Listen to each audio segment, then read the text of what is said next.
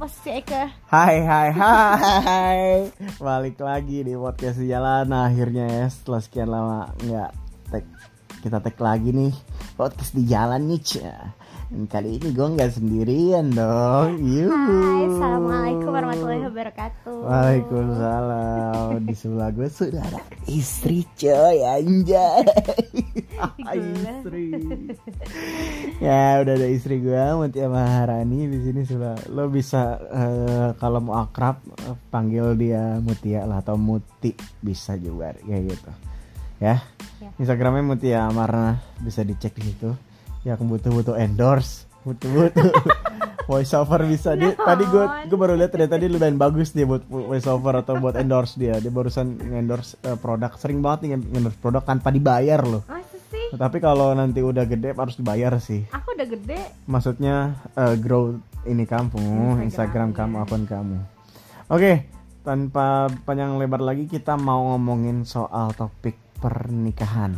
Lebih tepatnya soal dinamika yang dihadapin atau masalah-masalah yang lo akan hadapin ketika pernikahan. Ini based on uh, True story. true story and experience. Anjay bener gak gue bener ya jago bahasa Inggris sekarang Iya, istri gue kan guru bahasa Inggris. Terus? Nah, eh ya berdasarkan pengalaman kami lah, berdasarkan pengalaman kami ini bisa jadi mungkin harapannya bisa jadi pelajaran ya, bisa jadi pelajaran buat eh, apa namanya orang-orang yang mau mempersiapkan nikah. Eh, gimana pasti kan kalau yang mau nikah kan pasti memang pasti akan menghadapi masalah-masalah ya, nggak mungkin nggak ya nggak sih? Hmm. Pasti kalau orang mau mau nikah tuh pasti akan ada aja masalahnya, walaupun lo nggak cari-cari, dia pasti akan nemu sendiri masalahnya.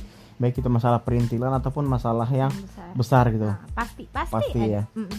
pastinya ada dan di, di, di kami pun ada kayak gitu di kami Se- pun ada Sejujurnya eh, apa namanya pas lagi kita mempersiapkan eh, pernikahan kita tuh aku baru aja mendengar itu bulan apa ya? Kayaknya abis lamaran deh, Hmm. kayak Januari, Februari lah. Itu kan sebenarnya masa-masa genting kita lagi siapin ina inu kan. Mm-mm. Di situ aku abis dengar berita tetangganya teman kerja itu Hmm. tuh aku lupa loh cerita sama kamu itu eh, baru saja membatalkan pernikahannya Hamin satu eh dan Demi apa? demi Allah jadi Amin satu Hamin satu nggak tahu ya masalahnya apa cuma sih karena yang ceritain juga nggak tahu masalahnya apa Eh, cuma itu kejadian. Nah gila di satu. bulan Desember itu tuh eh, siapa ya?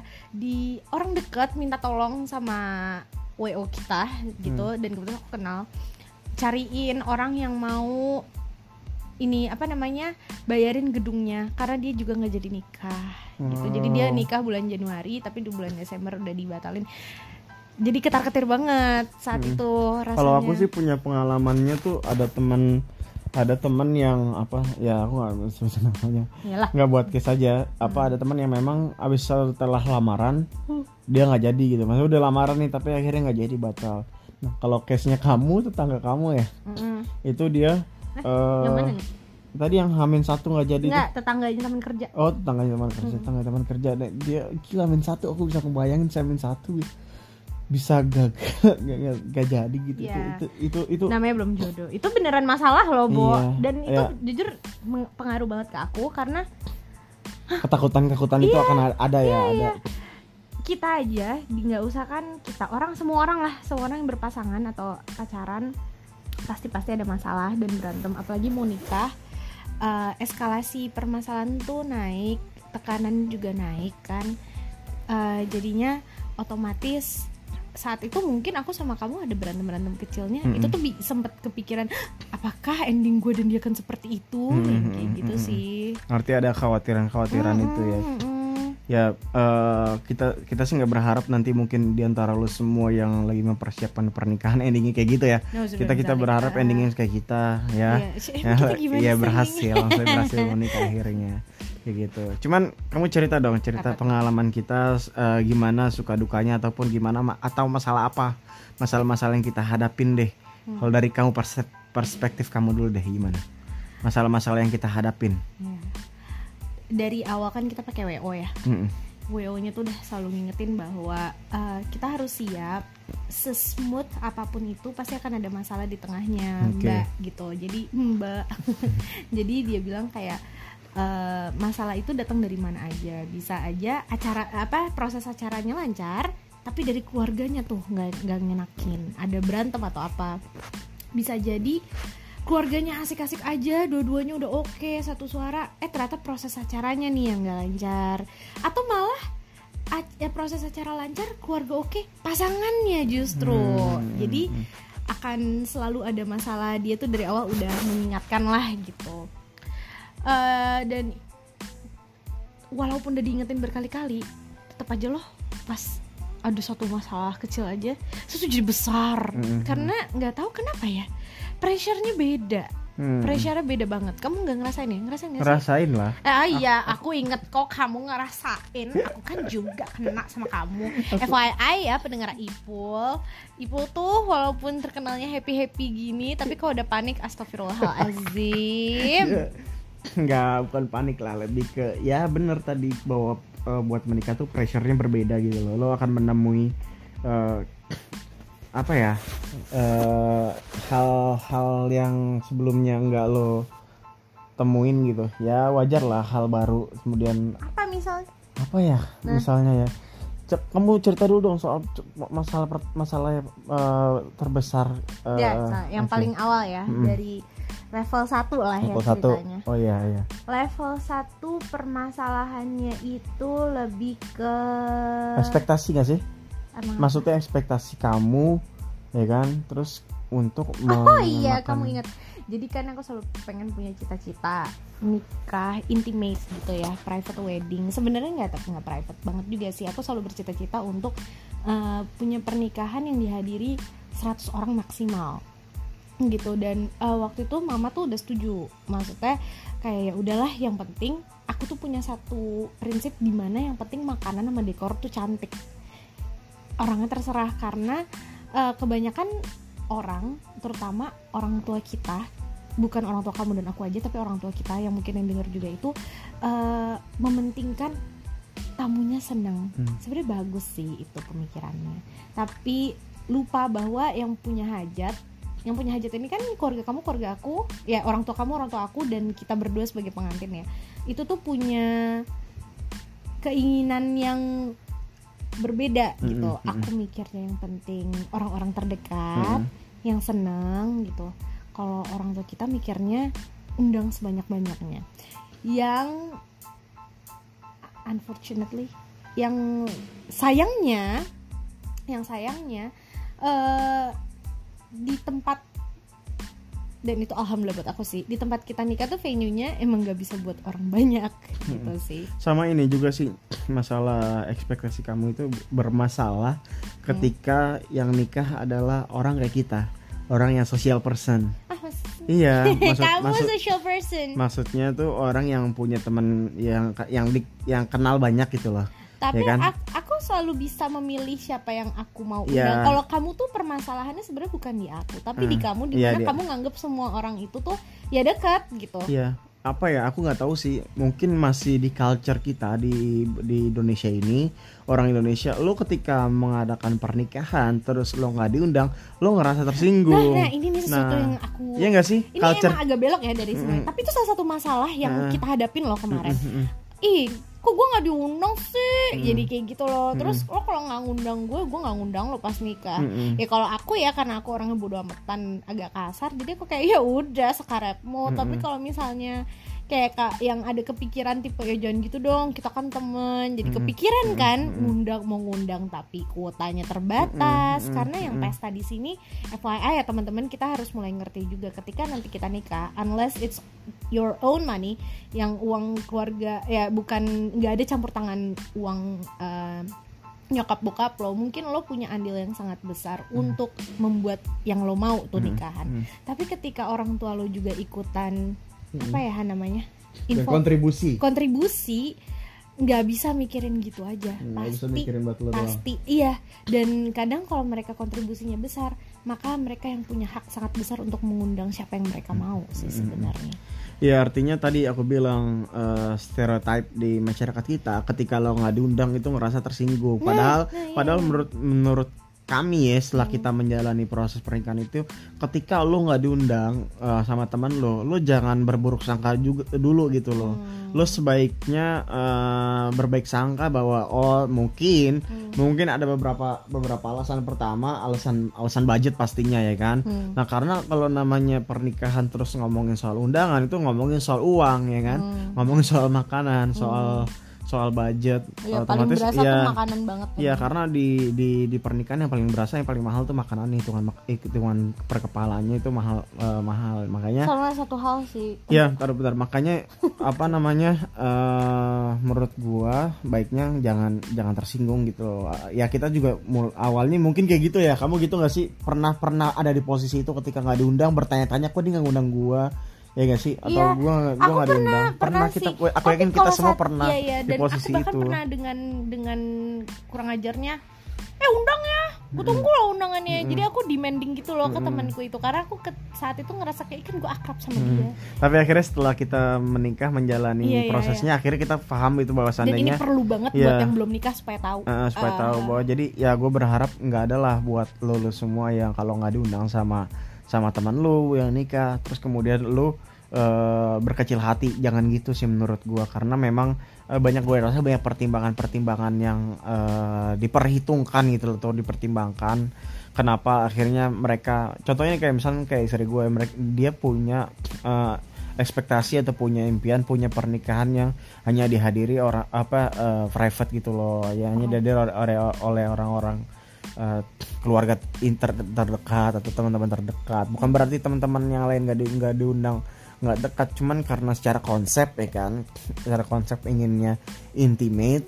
Jadi eh, kita mau itu nggak ngundang banyak orang. Artinya bukan bukan masalah di teman atau enggaknya. Jadi gue berharap Nah. setelah ini nggak ada lagi lah soal permasalahan apa iya iya. eh, ketika lo nggak diundang terus kemudian lo eh, Tersinggung sama tersinggung kayak itu. gitu. Tapi sebenarnya pahamin lah gitu ya gini pahamin. kalau masalah temen deket sama temen doang it matters. Jadi maksudku memang ya berarti kan kita udah gede lah ya. Masih penting gak sih lo masalah ih gue sahabatin gue sahabatin gitu. Kan lo makin bisa memilih circle lo sendiri juga toh. Jadi maksud aku kalau misalnya memang ada ada uh, pengen ada yang punya private wedding dengan orang terdekat ya memang itu teman dekatnya. Ya bukan berarti lo bukan temennya tapi lo hanya teman aja. Dan bukan berarti lo nggak penting tapi emang dia cuma pengen sama orang yang terdekatnya aja. Jadi know your place. Jangan karena nggak diundang terus nganggapnya tuh eh kita nggak peduli bukan gitu. Karena ada prioritas-prioritas tertentu dan hitungan-hitungan tertentu yang udah kita kalkulasin setengah mati gitu loh. Iya. Jadi sekali lagi lah eh, kalau nanti ada misalnya teman lo yang nggak ngundang ya jangan berkecil hati Hmm. gitu loh. Pahamin aja dan lo doain aja gitu loh. Karena benar. doa lo tuh udah cukup untuk kebahagiaan mereka gitu loh. Doain acaranya lancar Iya. itu sih sampai hari H sebenarnya iya udah aku Ya jadi jangan tersinggung lah sekali lagi ya. Jangan tersinggung kalau Iya. seandainya lo nggak diundang kayak gitu. Nah terus apa lagi Han? Masalah-masalah yang dihadapin nih buat Saat lo mau pernikahan nih. Pengalaman kita. Ah Hah? apa? Sorry. Pengalaman kita. Masalah yang dihadapin lagi apa lagi? Oh iya tadi yang pertama adalah masalah dari segi eh, Ekspektasi ekspektasi kedua temen ya Mm. Nah ini mirip-mirip sih sebenarnya, tapi lebih punya power untuk bersuara. Walau uh, dan ini kesusahannya, eh, susahnya adalah powernya bersuara ini mempengaruhinya bukan ke kita. Tapi ke orang tua Nah ini, jadi kadang kan tadi udah sempat disebutin bahwa kadang ada orang tua yang uh, cekcok dengan orang tua lainnya. Bahkan ada pernah juga dengar cerita dari WO bahwa ada orang tua yang uh, cekcoknya sama pengantinnya gitu, entah anaknya atau menantunya. Tapi kali ini uh, alhamdulillahnya orang tuanya dudunya akur, Hmm. sevisi, semisi, satu suara Hmm. gitu. Tapi di balik itu ada yang bikin mereka mikir ulang, yakni saudara-saudara kita. Hmm. Dan uh, ya namanya orang tua ini bukan Sama ini masalah. sih keluarga kita kan tipikal keluarga besar Iya iya iya, itu Keluarga itu banget. Keluarga besar Keluarga, keluarga, keluarga besar. kamu sama aku aja masing-masing 100 Mm-mm. ya nggak sih Iya. itu keluarga doang udah 200 dan itu bukan keluarga jauh bukan. Tapi keluarga om dekat. tante sepupu yang memang kalau keluarga aku pribadi udah udah sampai cicit Mm-mm. by the way ya. Mm-mm. itu udah jauh banget. Nggak tahu kalau keluarga kamu. Mm-mm. kayaknya iya ya Iya sebesar itu. sama lah. Jadi kesusahannya kadang gitu. Dan uh, semuanya adik kakak langsung adik kakak Mm, langsung gitu. Terus jadi punya pengaruh untuk bersuara uh, untuk ngasih saran yang Mm. sebenarnya mungkin rencana aku kamu ibu bapak kamu dan aku sudah mateng Mm-mm. udah jadi tapi nggak menutup ada suara-suara AIU nggak sih Yang akhirnya bisa mengintervensi. Mm-mm, jadinya bisa Mm-mm. intervensi uh, acara itu sendiri. Iya. Nah, ini nih satu masalah yang solusinya adalah dari kalau aku pribadi, Mm-mm. aku nggak tahu apakah kamu Mm. merasakan Mm. ha- melakukan hal yang sama. Hmm. Tapi kan kebetulan nih aku sama ayah aja nih. Ayahku uh, kebetulan dia memang kayak ketua di keluarganya sih. Mm. Jadi uh, lebih kayak ke ya nggak nggak enak nggak ngundang adik sepupu lalala Hmm, gitu hmm. sih jadi kalau di keluarga aku kayak gitu si Hmm. ayah nah keluarganya mama eh tadi juga sempat kepikiran tuh kan gede banget nih eh, maksudnya keluarga besar banget nih Hmm. gitu banyaknya orang tapi kalau masalah jumlah keluarga kita kan nggak mungkin tidak masukin ya Hmm, hmm. cuma aku nggak bilang deh gimana ya ngomong kata-kata yang tepat kalau keluarganya mama sih alhamdulillah lebih kayak ke slow atau mungkin mereka memberikan pendapat Hmm. nah tapi karena yang ngatur pernikahan ini pure aku dan wo jadi mungkin masuk kuping kiri kuping kanan dari Hmm. akunya Hmm. nah cuma masalah orang ba- bahwa saudara itu akan ikut ngatur juga itu Hmm. nyata adanya Jadi menurut kamu kalau buat ngadepin kita keluarga yang besar ya kan sementara kita punya keterbatasan undangan eh, menurut kamu gimana? keluarga besar Ya kalau sama-sama keluarga besar terus eh, ya, yang nggak bisa dipaksain yang Iya. justru kitanya bukan ke keluarga tapi kita harus memberitahukan dan pengertian ke orang tua bukan ke keluarga tua, besarnya hmm. karena yang gini kita berhubungan Iya langsung sama juga keluarga gitu. besar tapi yang berhubungan langsung banget itu kan orang tua kita. Hmm. jadi justru yang harus dikasih pengertian itu adalah orang tua kita. Makanya tadi aku bilang solusinya adalah dari awal sudah menjelaskan sejelas-jelasnya ke orang tua gitu sih Hmm. jadi penyampaian mereka ke saudara pun juga enak Hmm. cuma jangan di push namanya Hmm. orang tua pasti mereka punya ego sendiri bukan ego sih Han Apa? apa ya lebih kayak ke keinginan ya tetaplah mereka ngerasa orang tua kita sepuluh puluhan tahun mereka ngurusin kita ngatur kita Hmm. terus tiba-tiba sekarang kita punya suara ini kan susahan biasanya Hmm. kita nurut gitu Hmm, hmm. Sekarang eh, ngerasa kayak kendalinya nggak mudah untuk meyakinkan orang tua kita bisa berkontribusi dan Hmm. berdiskusi bareng juga nggak sih iya. sama ini kan mereka yang memutuskan apa apa sendiri Jadi kalau misalkan lo ber, eh, ketemu masalah di keterbatasan eh, undangan sementara keluarga lo banyak ya baiknya ngomongin ke orang tua lo dulu paling utama kayak gitu. Jadi nanti biar eh, bersama orang tua cari solusinya. ini nih paling penting sih komunikasi dengan orang tua Mm-mm. dia kan mereka yang punya saham di acara kita lah Iya, istilahnya kontribusi terbesar. ya kalau memang sama orang tua ya Mm-mm. kalau bukan uang sendiri jadi Mm. komunikasinya benar-benar harus jelas Hmm, kita yang harus nurunin ego hmm, benar, nggak bisa mereka benar. udah jelas banget soalnya kalau misal kita mikirnya kan eh, zaman sekarang tuh kita mikirnya lebih ke logis bukan berarti orang tua kita nggak logis tapi Hmm. orang tua kita tuh lebih kayak mikir secara kekeluargaan Hmm, hmm, kalau kita mikirnya ya realistis aja lah gitu ya hmm. kalau orang tua kan mikirnya secara kekeluargaan jadi eh, Ya kita yang harus nurunin, hmm, hmm, hmm. nurunin ego. sama Udah, ini komunikasi aku lah intinya. belajar satu hal banget nih Hmm. kalau orang tua kita ngomong kita nggak setuju nih Hmm, kita nyampein pendapat kita Hmm. tapi dia keras jangan didebat lagi hmm. Yain aja walaupun nanti ujung-ujungnya ternyata beda. Bukan maksudnya bohong sih Hmm. tapi kadang demi kebaikan bersama orang tua ngomong sebaiknya diiyain. Hmm, hmm. iyain aja nggak usah didebat kayak gitu sih.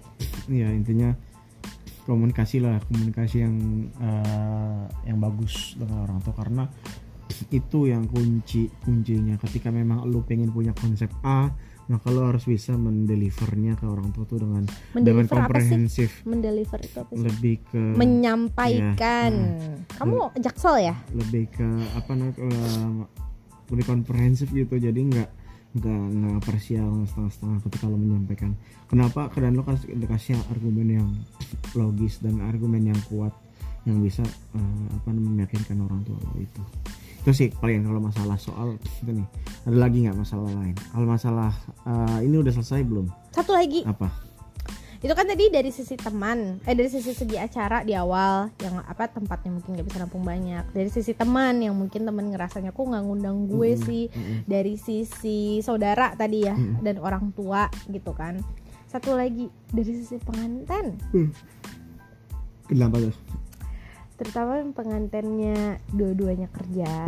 Iya tuh dia tuh masalah masalah juga tuh. Misalkan nih ya lu selama persiap persiapan pernikahan kan lu nggak serta merta semua orang tuh sama. Artinya nggak serta merta lu bisa fokus untuk totali fokus gitu sepenuhnya sepenuhnya buat ngurus eh, pernikahan tapi lu juga harus tetap kerja nyari uang ya kan untuk nutup nutup yang lain-lain juga untuk persiapan ya nggak juga untuk diri sendiri juga yang lainnya kadang udah ketutup Iya kan, tapi kan ada juga perintilan-perintilan yang belum ketutup. Ya kan? Ya intinya kayak gitu karena intinya lo ada kesibukan lain soal pekerjaan lah kayak gitu. Nah, itu eh, pak kalau di kita sih kemarin nimbulin masalah ya. Hmm. Gitu sih ada Karena tipenya kalau capek panik, Mm-mm, terus eh capek ada apa dikit Capek, panik. Siapa? kalau kerja kan capek nih. Siapa? Capek pulang terus kemudian ketemu ada masalah misalkan ada masalah kecil aja. Lo akhirnya merasa bahwa eh, ya karena mungkin karena secara psikologis juga ya. Apalagi semakin mendekati mendekati hari H itu psikologisnya mulai aduh kok bisa gini sih kok bisa gini sih sementara lo capek kayak kemarin contohnya gue nih gue kan kemarin tuh kerja eh, dapat kerjaan di luar kota kemarin. Sekitar dari sejak eh, lamaran ya. Setelah lamaran aku pergi luar kota ya kan. Oh. setelah lamaran eh, kurang lebih sekitar tiga bulan sebelum sebelum pernikahan itu eh, gue keluar kota dapat tugas kantor keluar kota. Dan akhirnya kita berkomunikasi sama eh, gue berkomunikasi sama calon istri gue ketika itu eh, by phone gitu eh, ya chat gitu dan akhirnya banyak sekali masalah-masalah yang miss ya misalnya misalnya gue lagi kerja di lapangan terus kemudian ada masalah ya akhirnya ujung-ujungnya berantem Tapi sebenarnya itu kemarin kita juga udah evaluasi diri Mm-mm. sih dari Mm-mm. situ. eh apa namanya satu hal yang harus dievaluasi adalah gini kan keluarga eh, ini semua pengantin tuh harus tahu dan harus aware bahwa eh, kalau lo nikah berarti keluarga lo juga nikah Mm-mm. di sini eh, kita nggak boleh membatasi jangan sampai kakak jangan sampai ngerepotin kakak kita jangan Hmm. sampai ngerepotin adik kita nggak boleh kayak gitu Hmm. sungguh karena kita sendiri nggak bisa mikir kita itu harus minta tolong dan pasti or- eh, keluarga kita mau dimintain tolong Mm. ya apalagi kalau kita maksudnya akur Mm. dekat dengan keluarga kita jadi Mm. pelajaran yang gue dapat adalah di sini kesalahannya eh, ketika Ipul eh, lagi kerja gue menanyakan membicarakan ini sama Ipul padahal harusnya gue bisa membicarakan ini sama ibunya atau sama uh, adiknya Hmm. gitu loh eh, si Sinta yang kedua tiga dua. Eh, jadi harusnya di situ kesalahan kita adalah kita tidak mendekatkan atau belum ya Mm. atau ma- merasa bahwa kita mampu sendiri gitu yang harusnya kita bisa bagi dengan keluarga apalagi itu bisa mendekatkan kita dengan calon keluarga kita Mm. itu nggak kita lakuin nah terus kayak misalnya gue kan kerja itu tuh sore ke malam Mm. nah itu pasti pulangnya eh, lebih capek sama nggak tahu kenapa karena mungkin ada aktivitas yang lain-lain dari Hmm. paginya Mm. jadi ketika pulang malam nanti ada suatu hal yang Ipul minta tolong aku belum minta tolong gini-gini dan gue lagi capek nggak mood gitu jadi bete sama Ipulnya padahal Hmm. sebenarnya di situ Ipul bisa minta tolong sama kakak sama kakak gue gitu Hmm. tapi di situ kita nggak ngelakuin kesalahan kita adalah itu jadi menurut gue kalau misalnya next time nanti ada teman-teman yang uh, mau nikah juga libatkanlah keluarga lo tidak Yes. usah hal yang berat nggak usah Yes. hal yang berat tapi dilibatkan dalam Mm-mm. artian gini minta tolong dong nanti misalnya uh, cuma ngecek doang sambil jalan cari tukang jahit aja di jalan misalnya gitu Hmm. atau enggak minta tolong dong kak nanti pas kita eh, pas misal kakak lagi nggak sibuk atau misal lagi nggak ini bikinin kata-kata yang enak buat undangan di WhatsApp gimana ya kak yang kayak gitu loh Hmm. itu sebenarnya hal kecil Mm-mm. Tap- dan aku yakin baik keluarga eh, si ade atau si kakak kalau emang udah enak nih hubungannya Mm. akan mau loh dimintain tolong Hmm, hal-hal kecil hmm, gitu hmm. karena mereka ngerasa ngerasa include dalam iya gitu kesalahannya kemarin gue dan Ipu tidak Iya, seperti itu iya merasa sih. bahwa gue bisa Kita bikin bisa, uh. ini sendiri Ipu ngerasa bahwa gue bisa nyari tukang jahit ini sendiri nah Hmm. itu tuh yang bikin Iya. kita berantem paling hebat sih Iya. dan itu sebenarnya hal sepele dua-duanya tapi begitu ya itu karena pertama kak ya karena psikologis lah karena kita jauh komunikasinya jauh ya kan gue gue di mana dia di mana jadi masalah gitu loh tapi ya itu cek gue sih eh, yakin ya bahwa nggak cuman kita ya yang menghadapi masalah-masalah Pasti, komunikasi pasti. kayak gitu ah. walaupun misalkan ya orang buktinya nggak- yang hamin satu nggak jadi nikah aja Iya. ada Ar- eh, maksudnya gini walaupun aku nggak keluar kota pun orang-orang yang kerja di di satu tempat yang sama misalnya itu bisa jadi aja karena memang kepadatan pekerjaan ya kan kemudian akhirnya menambah eh, masalah gitu kayak gitu roti yang kemarin habis. Kamu bawa apa? ya udah nggak apa-apa. Terus terus. Ya itu. Terus eh, ya jadi intinya komunikasi komunikasinya dilancarin lagi lah. Tipsnya kayak gitu. Ya tadi udah empat ya? Ya apa udah lagi empat. kira-kira eh, pertama tuh eh, keluarga eh Hmm. apa sih yang pertama pertama soal Oh ingat, ekspektasi bu- dan eh, eh, lebih- kurang lebih kayak ke proses pernikahannya. Yang kedua temen, ketiga itu keluarga, keempat pengantennya. Nah, dipikir udah selesai nih. Hmm. Lucunya ya kalau kita kemarin udah eh, udah siap lah udah siap, weh bukan main. Mm-mm. Udah hamin sebulan itu ya. Mm-mm. Udah hamin sebulan itu tuh semuanya udah, wih semua udah dilunasin. Kebayang gak sih? Semua udah lunas, semua udah kelar, baju udah, apa udah Mm-mm. udah deh bener-bener tinggal menunggu hari H ya Han. Mm-mm. Mm-mm. udah santai nggak ada Mm-mm. pikiran terus akhirnya apa negara api menyerang negara menyerang.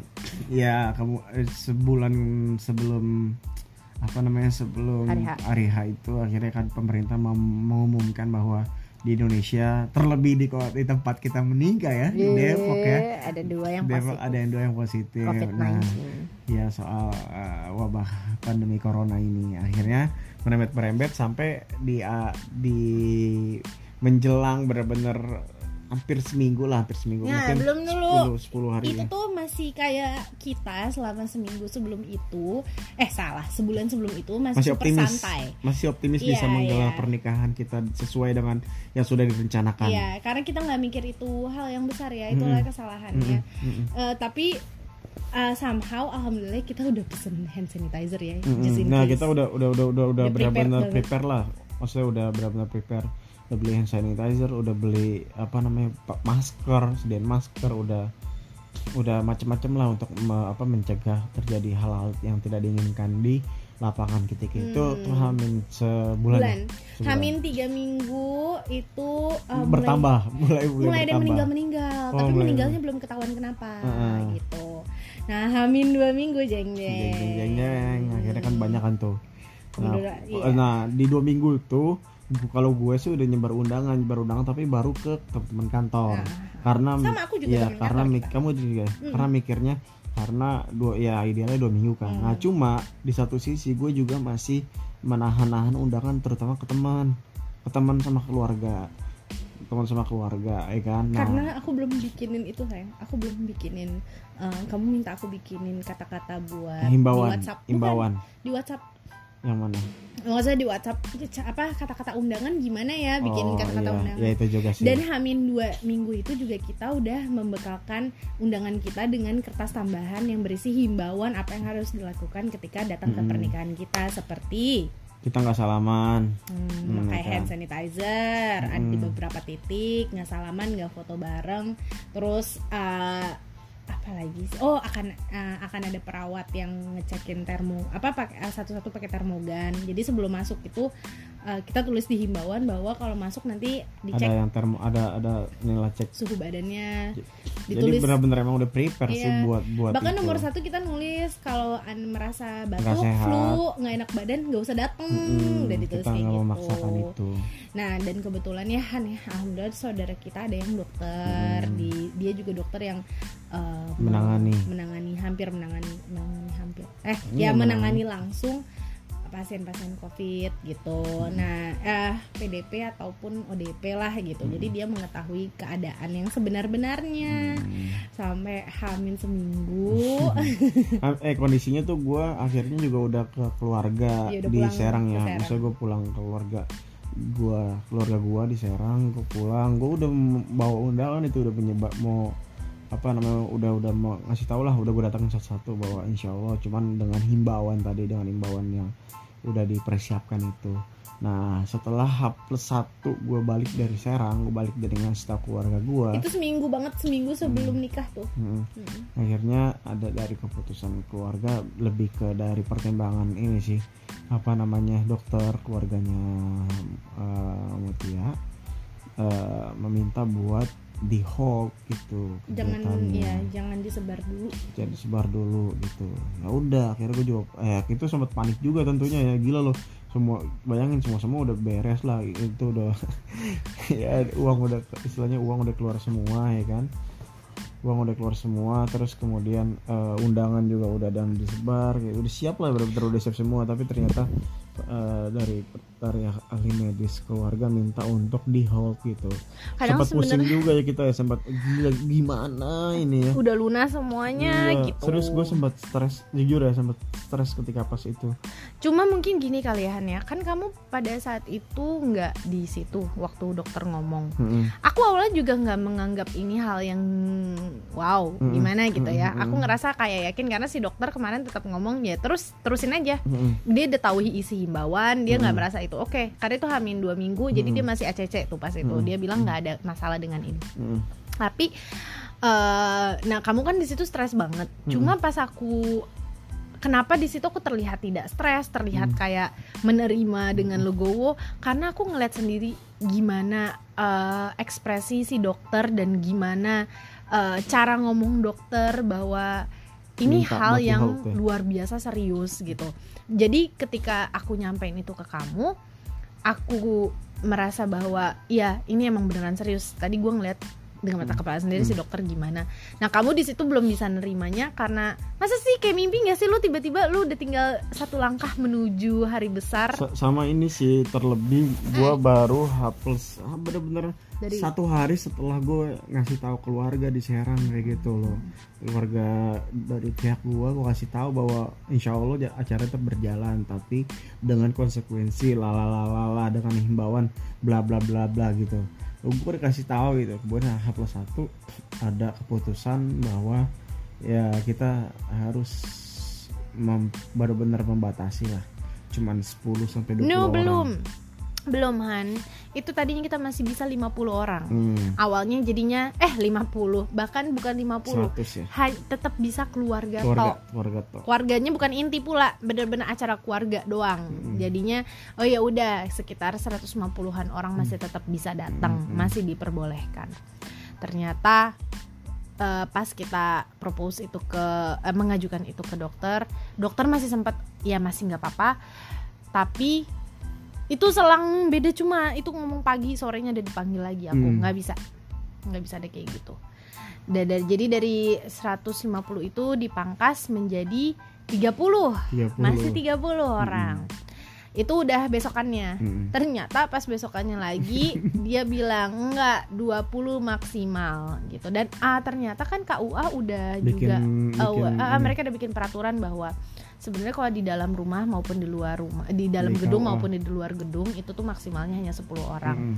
dan se- bahkan setelah himbauan itu masih banyak yang nakalahan Mm-mm. katanya bilangnya yang datang cuma 5 cuma 10 yang datang 30 Mm-mm. nah itu KUA marah digerebek polisi pula di Mm-mm. Beji itu Mm-mm.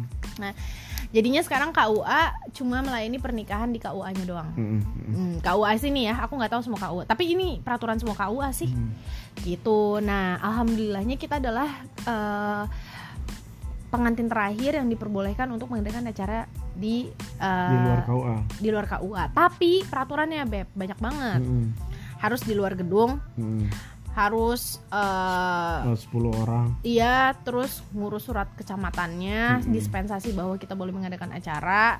Terus pokoknya ngurusan banyak deh yang diurus tuh macam-macam banget dan itu hak min empat. Bisa, lo bisa, lo bisa bayangin atau betapa paniknya pengantin dengan dipak dengan kondisi kita udah benar-benar udah terima bahwa kita oke kita nggak undang teman-teman kita nggak Hmm. undang keluarga besar hanya keluarga inti Oh iya itu di, tempat- situ, di bener. tempat yang kita rencanakan Itu pun nggak mungkin 10 ya. tapi akhirnya eh, ketika ke KUA pun ada persyaratan seperti itu gitu harus di KUA tuh gue sempat kepikir anjir ini gue udah ngalah berbagai macam hal nih gue butuh ber- udah berkompromi berbagai macam hal nih masa ya gue harus nikah di KUA juga Hmm. gitu dalam hati aku gitu Tapi tapi untungnya alhamdulillah dokter Kebetulan kita alhamdulillah menolong dokter kita pasang badan lah ya Hmm, banget. dokter pasang badan untuk bisa apa namanya eh, Terus berjalan. terus berjalan ini walaupun dengan tadi dengan treatmentnya bener sama bener sama di di depan pintu masuk itu ada apa Oh namanya iya, ada perawat tetap ada ya kan? perawat dengan Tetap ada termogan. perawat dengan termogan Hand di siap siap masker. sisi ada hand sanitizer hand sanitizer dan masker Hmm. ya kan dan kita juga tidak ada acara lama-lama di sana nggak boleh nggak boleh dan kita memutuskan untuk makan di eh, kotak makanan di boxin. Jadi nggak ada prasmanan di sana. Jadi bener-bener lu abis nikah selesai nikah selesai foto-foto udah pulang. FYI nih ya. Jadi itu tuh uh, kamu ceritanya nggak belum loncat nih. Jadi tuh awalnya uh, pas dari si dokter itu uh, dokter itu bilang hanya boleh 10-15 lah. 15 itu dengan tukang foto penghulu uh, perawat sama apa sih satu lagi aku lupa deh apaan lah gitu. Pokoknya 15 itu udah minta tolong sama uh, KUA untuk dikasih kelonggaran lah kan. Kita di tengah eh di di luar tempat duduk dijarakin. Tempat jadi si dokter bilang tempat duduk wajib dijarakin per satu meter tidak ada yang boleh duduk bersebelahan deket-deket eh, tidak ada salaman. Terus kan kalau prosesi akad nikah itu biasanya ada pengalungan melati lah ada rangkulan lalala gitu.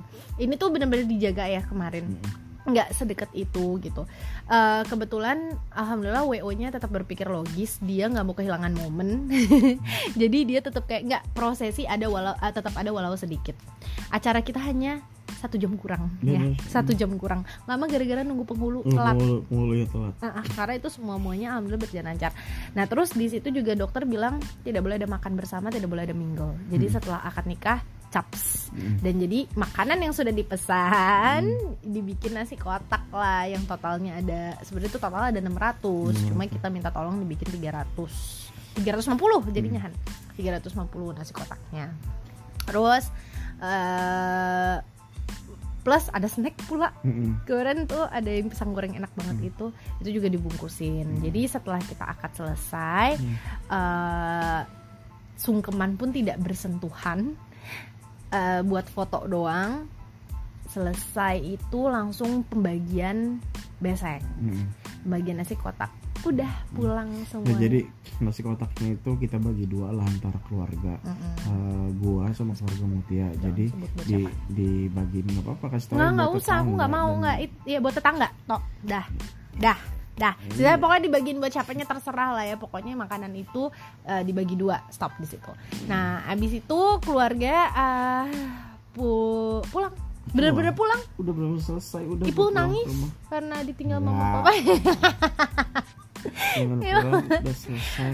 ibu nangis ditinggal Enggak sih, tapi intinya pulang terus gue sama Ipul foto-foto berdua dulu. tapi tapi gini sih kalau dari aku eh, sama sekali nggak mengurangi rasa bahagianya loh. alhamdulillah. rasa bahagia kita pernikahannya gitu loh Ini sih suatu moral yang pesan moral yang bisa ditangkap Han. Jadi gini, inget ya sih kita udah ikhlas sama Mm-mm. permasalahan perintilan yang kemarin yang empat awal ini tuh kita Mm, udah ikhlas. mm. Tiba-tiba kita di boom diberi sesuatu yang sangat besar di mana kita nggak bisa resepsi lagi. Mm-mm. Mungkin hikmah yang bisa kita ambil adalah di sini kita benar-benar belajar cara ikhlas tuh gimana. Mm-mm. Ya nggak sih? Mm-mm. Kalau ya udahlah yang kemarin itu sebenarnya dibandingkan sama yang terakhir ini tuh ah, alhamdulillah beda banget gitu Mm-mm. Mm-mm. ini tuh nggak ada masalah apa-apa tapi masalahnya in- bukan masalah internal sama sekali Mm. eksternal bo Mm-mm. yang di mana kita semua nggak ada yang bisa berbuat nggak bisa Nggak bisa ngelawan. nggak bisa ngelawan gitu jadi bener-bener disuruh belajar ikhlas banget. Karena kalau misalnya ini masalah internal masih bisa main salah-salahan. Yes. Eh salah dia. Coba kalau dia nggak kayak gitu. Hmm. ini semua kan ini ini, ya gitu kan. Masalahnya bukan kita yang bikin. Hmm. jadi eh, kalau aku pribadi pesan moralnya adalah ketika mau menikah ikhlas. Bener-bener dengan Bener segala. banget sih. Cuman emang gue emang gue paham bahwa gue pun nggak nggak mungkin kalau ya kalau gue bukan tipe orang yang religius dalam artian gampang menerima hal-hal hal kayak gitu. Di awal pun memang sempat eh, apa ya? Sempat emosi, sempat sempat ini sempat mempertanyakan aduh anjir kok bisa sampai kok bisa begini sih. Iya, makanya makanya menurut aku eh, di awal pasti lo rasa nggak ikhlas lo tuh ada tapi gue seiring berjalannya waktu eh, ber- beberapa jam kemudian atau beberapa hari kemudian berpikir lebih lebih logis lagi ya udah ya. akhirnya iya akhirnya mau nggak mau ya udahlah nih namanya kondisi yang nggak bisa lo lawan gitu Hmm. daripada lo mempermasalahkan eh, daripada lo tetap ngotot maksa tapi akhirnya bermasalah lo juga yang kena nah eh, ya kayak gitu jadi ya alhamdulillah lah akhirnya tetap berjalan dengan lancar. Mm-mm. pernikahan gue akad gue kabul gue sama Mutia Kita tetap Iya tetap tetap eh, tetap sah. Jadi tetap eh, nggak mengurangi rasa bahagianya lah kalau bu Sedikit kalau ya sedikit pun. Ya. bener walaupun habis pernikahan tuh pulang tuh rasanya Happy. plong ya plong happy banget ya. Nggak menyayangkan ih kok jadi pesta nggak gitu Iya ya mungkin itu di awal saat saat pas kita eh, kalau aku ya saat pas pengumuman baru nggak Hmm. Oh, bisa iya. resepsi Oh itu kamu jangan sedih, kamu kubunya itu ada di ayah sama eh, ayah nggak mungkin Kaita, Iya. Eh, kakak kakak gue tuh bener-bener seterpukul itu Hmm, juga iya. gitu. makanya tapi ya gue beruntungnya sih nggak sampai berlarut-larut sampai pas pernikahan setelah pernikahan tuh alhamdulillah baik gue maupun keluarga pada senang gitu pada masih pada berbahagia lah. Happy happy banget. happy banget Emak, nenek, ibu bapak kita juga nggak ada Iya. yang semua happy, Happy semua lah. bangga. Eh bangga, naon bangga. Cuma maksudnya semua kayak ikhlas ikhlas iya i- tetap bangga dengan keadaan Hmm, itu sih mungkin hmm. maksud bangganya adalah bangga dengan walaupun Hmm. keadaannya gini tuh kayaknya ih indah banget ya Mm-mm, mm-mm. Gitu sih. Iya jadi apa ya? Eh, tadi banyak banyak banyak hal yang pesan moral itu adalah ikhlas lalu ketika menghadapi eh, permasalahan permasalahan. Lo nggak apa-apa sih kalau menurut aku manusiawi ya. Iya ya lo nggak apa-apa nih apa namanya lo stres stresin lo Iya, iya. habisin Lo stres lo lo marah-marah. marah-marah lo teriak lo lo apa pun itu untuk menghilangkan eh, kepanikan lo meng- menghilangkan masalah lo nggak apa-apa Eh, lo teriak lo masalah tapi jangan sampai itu dibiarkan berlarut-larut gitu. Bahkan lo pendem Eh, mendingan lo selesain lo tumpahin. Kemarin lo mau nangis mau apa silakan. Tapi setelah itu selesai ya udah lo harus terima terima kondisinya terima keadaan permasalahannya itu berdamai dengan permasalahan itu. Akhirnya lo nanti bisa ikhlas dan lo tetap tetap bahagia tetap ikhlas tetap eh, bahagia tetap senang kayak gitu. Kalau marah marah emosi itu sebenarnya juga suatu bentuk ikhlas menerima bahwa jangan jangan malah jadi dipertanyakan kok gue marah sih? Kok gue Hmm. ya? Jangannya Hmm. kalau mau marah marah aja Hmm, keluarin benar. gitu cuma jangan nyalahin orang lain kalau itu bukan hal internal. Benar benar setuju. Jangan jangan deh bikin masalah baru. Lu udah dapet masalah yang gede banget terus itu bukan salah lu bukan salah pasangan lu bukan salah keluarga lu atau keluarga pasangan lu. Eh tapi lo udah kayak gitu marahnya ke orang lain. Jangan. Itu eh, tidak baik. Jadi eh, kalau emang ngerasa itu marah nggak tahu sama siapa terserah. Tapi jangan main salah-salahan. Kalau masalahnya bukan internal ya. Ya kayak gitu. Jadi ya banyak hal lah mungkin eh, yang bisa teman-teman pelajarin dari cerita Sih. gue sama Mutia ya gini kami sih. kami sih minta doa lah ya minta doa semoga ya dikaruniai keluarga yang sakinah mawaddah warahmah amin sama ja- apa sih ya sama berbahagia Yang terus lah baik. sama berbahagia berbahagia terus sebenarnya kayak inti dari eh, podcastnya Ipul hari ini sih yang mau aku tekenin lagi ya Hmm. Ya bukan masalah kitanya atau bagaimana masalah kitanya bukan bagaimana eh, apa ya kisah kitanya. Aku bukan itu sih kalau niatan awalku. Tapi kayak ngingetin ke teman-teman lainnya bahwa sadar masalah tuh pasti akan ada. Selalu. Terima stres emosi itu pasti akan ada. Pasti. Jadi sadar terima. Sama eh, balikin lagi niatannya apa? Yes. Menikah untuk apa? Mm-mm. gitu. kalau misal jadi selalu balik lagi ke niat ya. Ih, gue kayak mamah dedeh gak sih? Ya udah ya mungkin eh, segitu aja. Mudah-mudahan bermanfaat buat teman-teman semua. Amin. Diinget teman-teman. Kami sih berdoa buat yang mau eh, menikah. Semoga dilancarin. Amin. Amin ya terutama Allah. yang amin. dalam dalam Amin, waktu dekat ini. Amin. Kita doain semoga lancar Dan semoga bisa masalah- menghadapi menghadapinya bisa selesai bisa berhasil Nah, bisa jadi proses pendewasaan yang sangat baik untuk teman-teman Asli, semuanya. bener. Amin. amin ya itu aja mungkin sekali lagi semoga sama satu hal lagi yang gue mau sampaikan jaga kesehatan oke Oke. nih jangan stay at home lah di rumah aja Ah, jangan ya, ke mana-mana ya banget. Karena ini masih parah banget lah mungkin kalkulasinya mungkin bisa sampai uh, Mei Juni ya walau alam kita sih berdoa supaya wabah ini bisa bisa Betul segera banget. selesai dan lo semua bisa sehat semua. Amin, amin. oke gitu aja. Selamat istirahat teman-teman. Assalamualaikum warahmatullahi wabarakatuh. Bye bye